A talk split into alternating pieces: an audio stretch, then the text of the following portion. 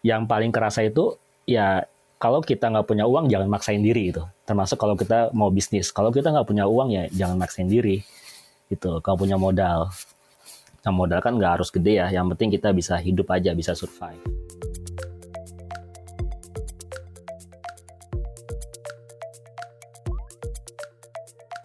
Selamat datang di Ceritanya Developer, podcast yang menampilkan developer, programmer, atau engineer Indonesia inspiratif yang tersebar di seluruh dunia. Bersama saya Riza, kita akan menggali bagaimana mereka berjuang, suka dukanya dalam perjalanan karir, hingga kesalahan konyol saat ngoding. Podcast ini diproduksi oleh Deep Tech Foundation, sebuah startup non-profit yang punya misi menyetarakan talenta digital di Indonesia. Dari mulai mendirikan sebuah perusahaan uh, Kids Indonesia, pernah juga uh, jadi Google Developer Expertnya Android dan kemudian sempat uh, merasakan kerja di Google selama uh, setahun lebih dan sekarang uh, jadi tech advisor di Kementerian Pendidikan dan Kebudayaan. Nah, uh, sosok inilah yang akan kita interview sebagai narasumber di episode perdana ceritanya developer di 2021. Langsung aja kita sapa uh, Mas Ibnu Sinawardi atau yang biasa dipanggil dengan Mas Ibun. Halo Mas Ibun. Ya halo halo. Halo Mas Riza. Gimana kabarnya Mas? Baik baik baik. Walaupun udah mulai bosen ya di bangku yang sama mm -hmm. tiap hari nggak keluar keluar. iya masih WFH terus ya? Masih masih konsisten WFH. Nah, uh, kita akan ngobrol-ngobrol santai aja nih. Uh, saya pengen tahu, ingin menggali pengalaman Mas Ibun nih. Dari awalnya, dari tertarik belajar ngoding itu gimana sih ceritanya? Belajar ngoding dulu sebenarnya dimulai waktu SD ya, bukan ngoding sih. Jadi kayak bermain dengan fungsi di Lotus 1, 2, 3 itu ya. Dulu kan sebelum ada Excel, mainnya Lotus. Nah dari situ baca-baca buku, terus SD tuh ya waktu SD sempet jadi bendahara kelas dan nyatetnya tuh di Lotus ya. Nah dari situ kan udah mulai interaksi sama komputer, bikin-bikin fungsi di Lotus. Kemudian ya ngerasain wah ini kayaknya seru nih. Jadi akhirnya sampai SMP pun masih ngoprek di depan laptop tapi nggak ngoding waktu itu. Lebih banyak ke mainan desain, Corel dan semacamnya. Nah mulai SMA waktu ada uh, belajar tentang Fox Pro atau apa ya lupa ya. Nah itu udah mulai rasa wah keren nih kayaknya kalau belajar ngoding. Nah udah akhirnya lanjut sampai kuliah ambil uh, programming, ambil IT, ya sampai sekarang keterusan ngoding gitu. Hmm. Jadi ya emang udah lama sih kayaknya tertarik sama komputer. Apa sih yang bikin ketertarikan itu? Uh, yang dari mulai Lotus ya mungkin uh, buat teman-teman yang uh, apa belum tahu ya Lotus itu kurang lebih kayak spreadsheet ya kayak Excel atau Google Sheet gitu ya. Iya betul ya. betul betul. Itu apa sih yang bikin yang bikin Mas Ibun itu uh, tertarik gitu yang tadinya jadi bendahara terus di komputerisasi habis itu malah kecanduan dan pengen apa pengen ngoding atau pengen uh, ngerjain apa bikin aplikasi gitu. Mungkin karena gara-gara kalau depan laptop tuh kesannya ya kita bisa ngelakuin apa pun tanpa banyak gerak kali ya. Ya emang dasar orangnya males gerak ya, olahraganya jarang gitu. Jadi pengennya yang yang instan-instan aja depan depan laptop duduk beres semua ya. Oke, okay, jadi bisa apa ya? Ada ada kemampuan untuk membuat sesuatu gitu ya iya, di depan Uh, duduk hanya dengan duduk aja gitu ya. Betul sekali. Hmm perasaannya pertama kali belajar ngoding itu gimana sih? Uh, seneng atau uh, stres atau gimana? Uh, stres sih pernah ya, malah sering. Malah stresnya itu malah bikin tertantang gitu. Misalnya ya, oh ini kenapa sih nggak bisa dikerjain, kenapa sih error terus? Nah itu kan jadi stres ya. Tapi jadi bikin kita terus belajar gitu. Jadi kalau nggak ngerasain stres, fine fine aja ya, ya berarti kurang kurang kental kopinya gitu ya, kurang pahit perjalanannya. itu itu kayaknya salah satu skill yang dibutuhkan untuk jadi developer kali ya. Betul, bisa betul. tahan stres gitu dan bisa mengubah stres itu menjadi motivasi gitu ya.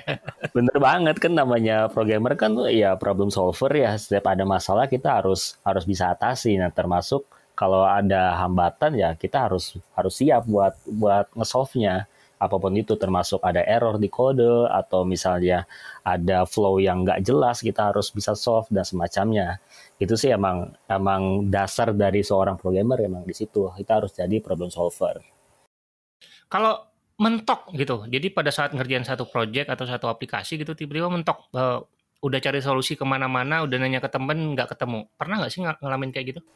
Wah sering banget itu. Kalau mentok yang pasti harus mundur ya. Kalau mentok hmm. harus mundur. Harus mundur.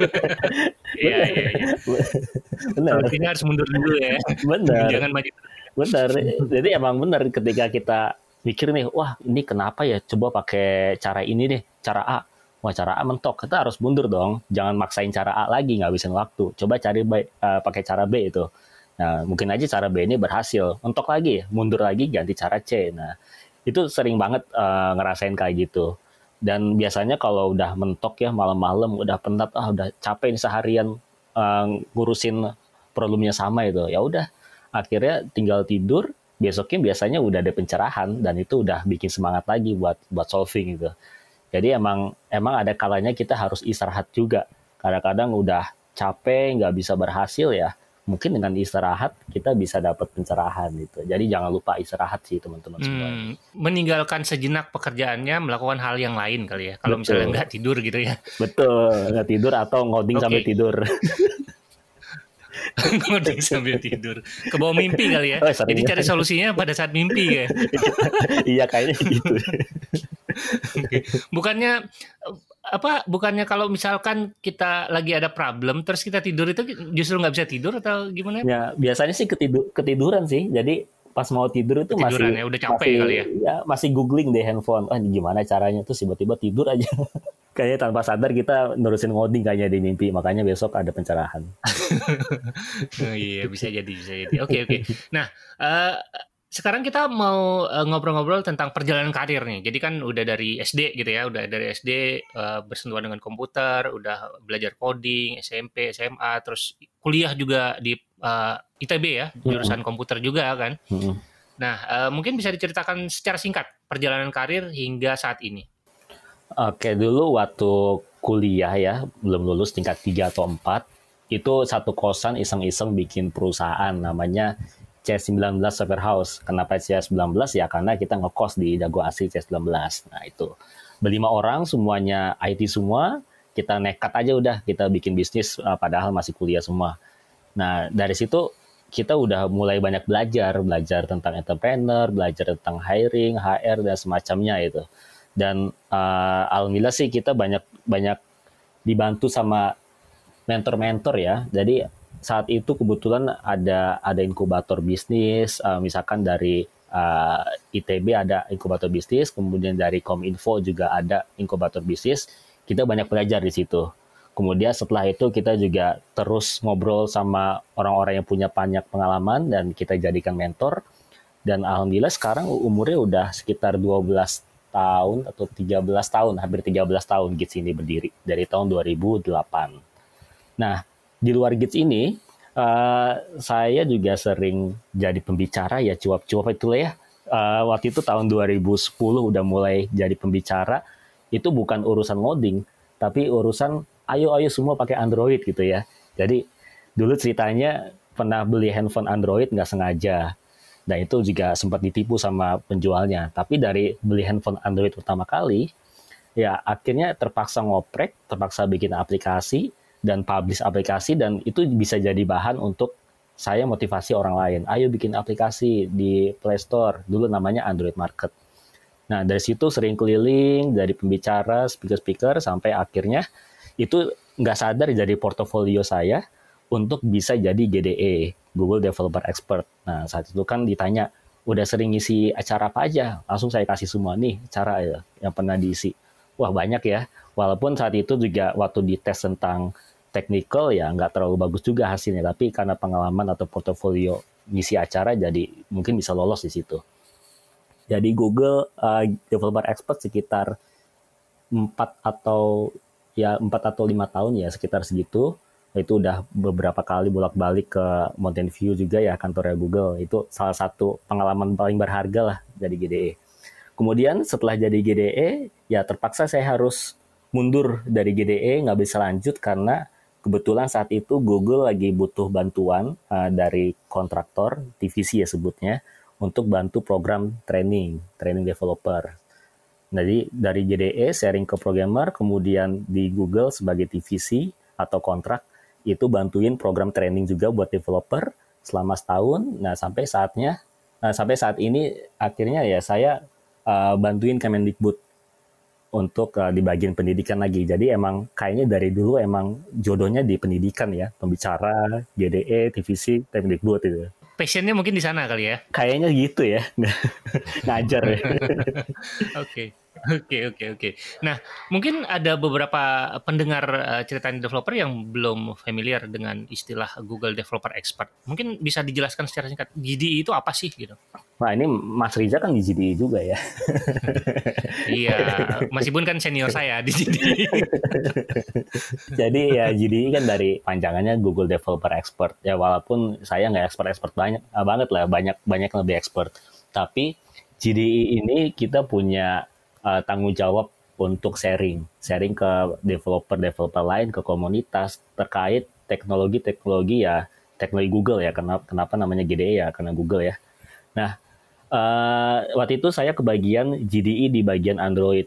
Nah, saat itu saya seringlah sharing-sharing tentang Android, walaupun ya saya yakin orang-orang audiensnya tuh lebih ngerti daripada, daripada saya, tapi kan uh, ada juga yang yang masih newbie atau masih butuh pencerahan atau butuh butuh repetisi dari kalimat-kalimat motivasi lah itu istilahnya sih. Jadi ya selama bertahun-tahun ngisi tentang Android bahkan juga Google Cloud uh, yang lain-lain juga diembat juga ya. Nah, ada satu hal yang yang yang saya pun sadar se uh, sejak jadi GDE bahwa kalau kita mau mau jadi expert di suatu hal, kita harus banyak sharing. Kalau kita nggak sharing ilmu ke orang lain, nah ilmu itu ya akan segitu-segitu aja. Kita nggak ditantang untuk untuk menambah lagi ilmu untuk menyiapkan diri dari banyak pertanyaan dari audiens dan sebagainya. Jadi ya kalau ada istilah Jawanya itu adalah urip iku urup. Nah, urip iku urup. Tahu Mas Riza? Urip iku urup. Enggak. Itu? Saya bukan orang Jawa. Artinya hidup itu nyala. Urip iku Arab. Nah, hidup hmm. itu harus hmm. harus memberikan cahaya pada orang lain.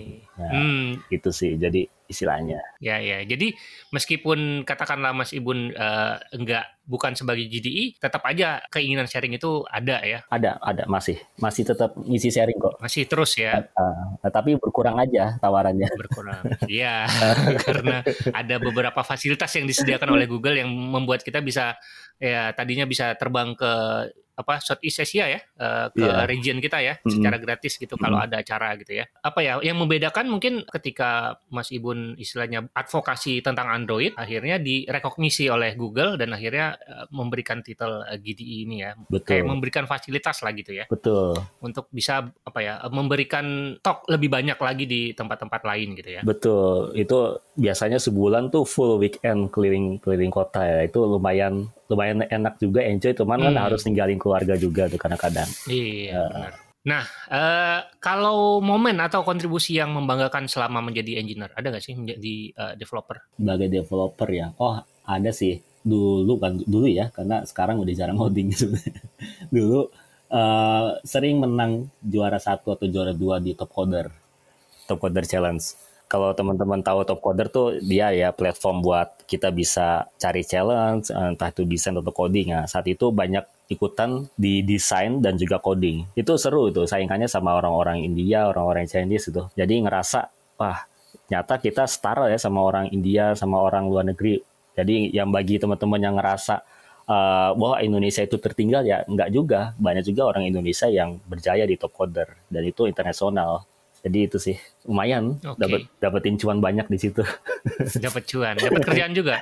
Uh, kerjaan enggak karena kan enggak enggak promosi juga. Enggak ya. Enggak. Dia challenge ya, lebih challenge, challenge ya. Challenge bukan yang kompetisi. Ada hadiah gitu ya. Ada, jadi kayak challenge project. Jadi hmm. bug fixing atau okay, bisa apa okay. gitu.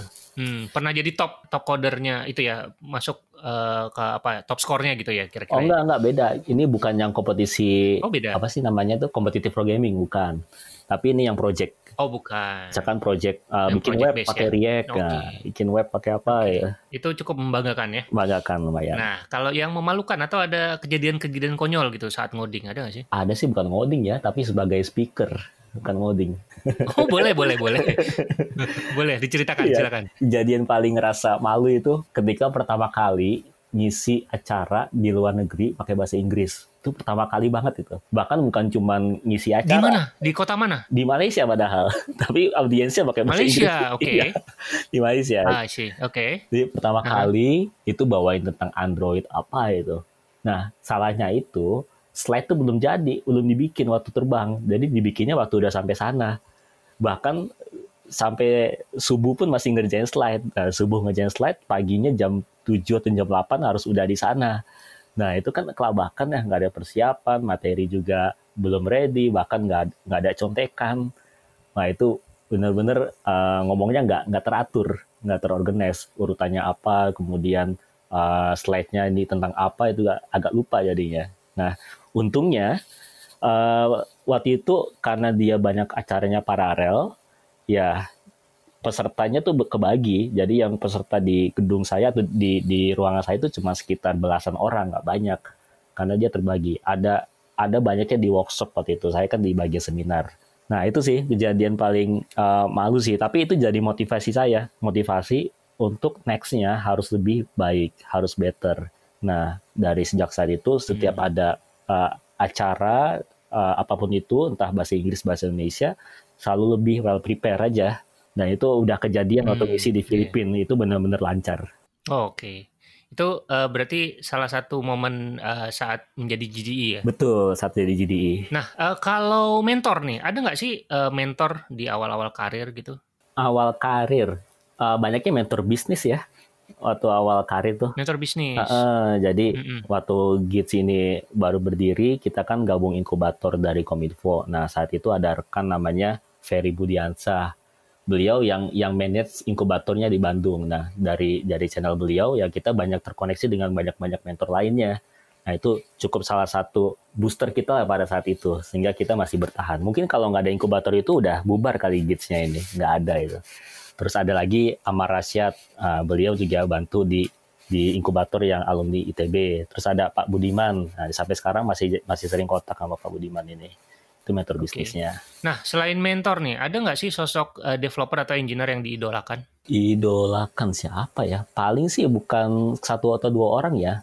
Lebih ke member di grup ya ya. Oke. Member di member di tech sih sebenarnya yang jadi yang jadi salah satu motivasi saya. Karena kan saya kan udah lama nggak ngoding sampai berjam-jam ya paling ngoding sebentar sejam dua jam nggak sampai Hmm. seharian ya. Hmm. Nah, kalau melihat dari obrolan di komunitas-komunitas, khususnya di tech kan ngerasa, wah ini saya udah ketinggalan jauh nih, harus belajar lagi supaya bisa catch up gitu ya. Nah, itu jadi salah satu ya idola lah, ya idola, wah grup ini keren nih bahasannya. Banyak istilah-istilah nggak ngerti, jadi harus googling lagi, harus belajar lagi. Itu sih jadinya. Hmm, bukan malah menjadi insecure ya? Bukan, bukan. Ada juga kali ya? Tapi kadang-kadang suka mikir, Adalah dikit-dikit gitu. ya? ya kadang-kadang suka mikir, Iya. eh, ini perlu nggak sih belajar sampai segininya? Yang penting kan ya bisnisnya duitnya ya bukan tek- tek- teknikalnya. Oke oke oke oke. Ngomongin bisnis nih. Eh, Ngomongin eh, bisnis. Sekarang lagi lagi ngerjain apa Mas Ibun sekarang? Eh, proyek ya atau kerjaan ya. Sekarang sih aktif di Kemdikbud ya. Ah, di Kemdikbud ini full time ya dari pagi sampai eh, ya seharian lah full day itu. Terus eh, yang kita bantu ya banyak sih yang di di Kemdikbud ini pokoknya ap- apa pun yang bisa memperbaiki sistem pendidikan ya kita coba cemplungkan banyak sekali ya yang bisa kita bantu. Nah itu kita banyak juga sih eh, saya khususnya banyak belajar dari teman-teman yang ada yang bantu Kemdikbud juga karena bukan cuma saya ada banyak termasuk ada Mas Ibam juga member Diktek gitu. Nah itu sih kalau eh, aktivitas yang urusan IT-nya. Kalau non IT sih ada banyak sebenarnya. Apa tuh? Mungkin bisa di-share sa- satu atau dua gitu yang non IT. Kalau non IT ya paling sekarang jadi ketua RT sih udah setahun lebih. Oh iya, jadi ketua RT. Wow. itu itu ketua RT itu job desk-nya apa ya? Tergantung lokasi ya. Kalau lokasinya Oke. di komplek ya di komplek kayak eh, isinya orang-orang menengah itu ya. Ya paling cuma standby aja kalau ada yang minta tanda tangan dan itu jarang. Paling sebulan cuma satu orang yang datang gitu. Yang paling banyaknya adalah menghandle grup WhatsApp sih. Kalau ada isu-isu, wah itu ditenangkan ya. Oke. Okay. apalagi okay. apalagi COVID kayak gini kan, hmm, bingung yeah. nih mau disebar atau dirahasiakan. Nah itu kan. Oh, Oke, okay. jadi kalau misalkan ada yang isu yang terkena COVID itu uh, harus ditangani ya, apakah dirahasiakan atau uh, dikasih pengumuman? Iya, gitu ya? dikasih tahu. Iya, kan hmm. kasihan juga sama pasiennya. Sering saya tanya mau diumumin nggak? Kalau enggak hmm. ya nggak apa-apa kalau mau ya silakan gitu. tapi udah ada yang gitu kejadian gitu kena udah tetangga sebelah saya kena itu oh wow ada ada dan itu ya macam-macam lah. Pro pro kontra banyak. Ada yang bilang ah udah nggak usah sebar ada yang bilang nggak apa sebar aja ya. Pokoknya nggak bisa menyenangkan semua pihak oke oke. Okay, okay. ya lumayan ini juga ya lumayan bikin uh, jadi bahan pikiran juga ya berarti ya. Iya ya ya kan problem solver kita. Problem solver asik. Nah selain jadi ketua rt nih ada ada uh, hobi nggak sih yang di luar di luar uh, pekerjaan di luar uh, komputer dan programming hobi paling miara ikan hias ya oh, yang okay. ada di rumah aja ada hmm. arwana ikan diskus Ush. dan ini mindsetnya emang beli untuk dijual sih jadi investasi ah. Oke, okay, jadi sekalian bisnis juga ya berarti ya. Eh, iya, tapi semua hal yang kita lakukan harus ini harus punya imbal baliknya lah. Hmm. Oke. Okay, Termasuk sekarang ini lagi lagi hobi bukan hobi ya apa ya? Lagi suka investasi ke saham lah, trading oh. saham. Dan hmm. ini uh, saya rasain manfaatnya nambah wawasan banget lah, khususnya kita orang IT. Orang IT kan biasanya ngomongnya seputar IT aja. Ketika ngobrol sama orang-orang dari sektor lain, kita nggak bisa nyambung. Ya, itu sering banget kejadian. Dari sejak saya uh, kan saham saya, saya udah lama ya, tapi mulai aktif lagi setahun terakhir ini, itu bener-bener kerasa manfaatnya sih. Jadi banyak nambah wawasan terkait uh, berbagai okay. sektor. Nah ngomongin ngomongin apa soal di luar apa di luar uh, lingkup uh, pemrograman aja. Boleh dong uh, apa kita para pendengar ceritanya developer dikasih tips gimana seorang developer Android uh, waktu dulu Mas uh, Ibun awal-awal karir gitu akhirnya bisa jadi uh, bisa bikin perusahaan dan jadi CEO apa aja sih yang harus disiapkan untuk jadi pemimpin sebuah perusahaan gitu? Kan sulit ya katakanlah kalau misalkan uh, secara natural misalkan kita developer itu biasanya uh, minimal jadi VP engineering atau jadi CTO dari sebuah hmm. perusahaan kan ini Mas Ibun kan jadi direktur utama lah gitu ya jadi hmm. CEO gitu hmm. apa aja sih yang harus disiapkan sebenarnya mental aja sih jadi waktu itu saya jadi CEO juga CEO rasa CTO ya. karena nggak ada CTO waktu zaman saya itu jadi saya CEO merangkap CTO jadi segala hal keputusan lebih ke banyak ke pendekatan teknologi instead of pendekatan bisnis atau apa itu. Jadi sebenarnya ya uh, kalau kita mau jadi CEO gampang ya tinggal bikin aja perusahaan, gak usah ada badan hukum gak apa-apa, tinggal bikin kartu nama jadi CEO gitu ya. Yang penting kan gimana caranya biar bisa survive gitu. Iya. Tapi kan uh, sambil jalan kan bukan hanya mikirin tentang teknologi yang digunakan atau apa gitu kan. Kita harus cari project, harus bikin gimana perusahaan ini berkembang, bisa scaling, bisa cari project baru dan lain sebagainya kan.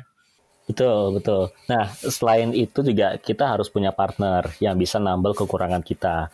Nah, saat itu kan saya CEO rasa CDO ya, jadi semuanya urusan teknis atau istilah dapur saya.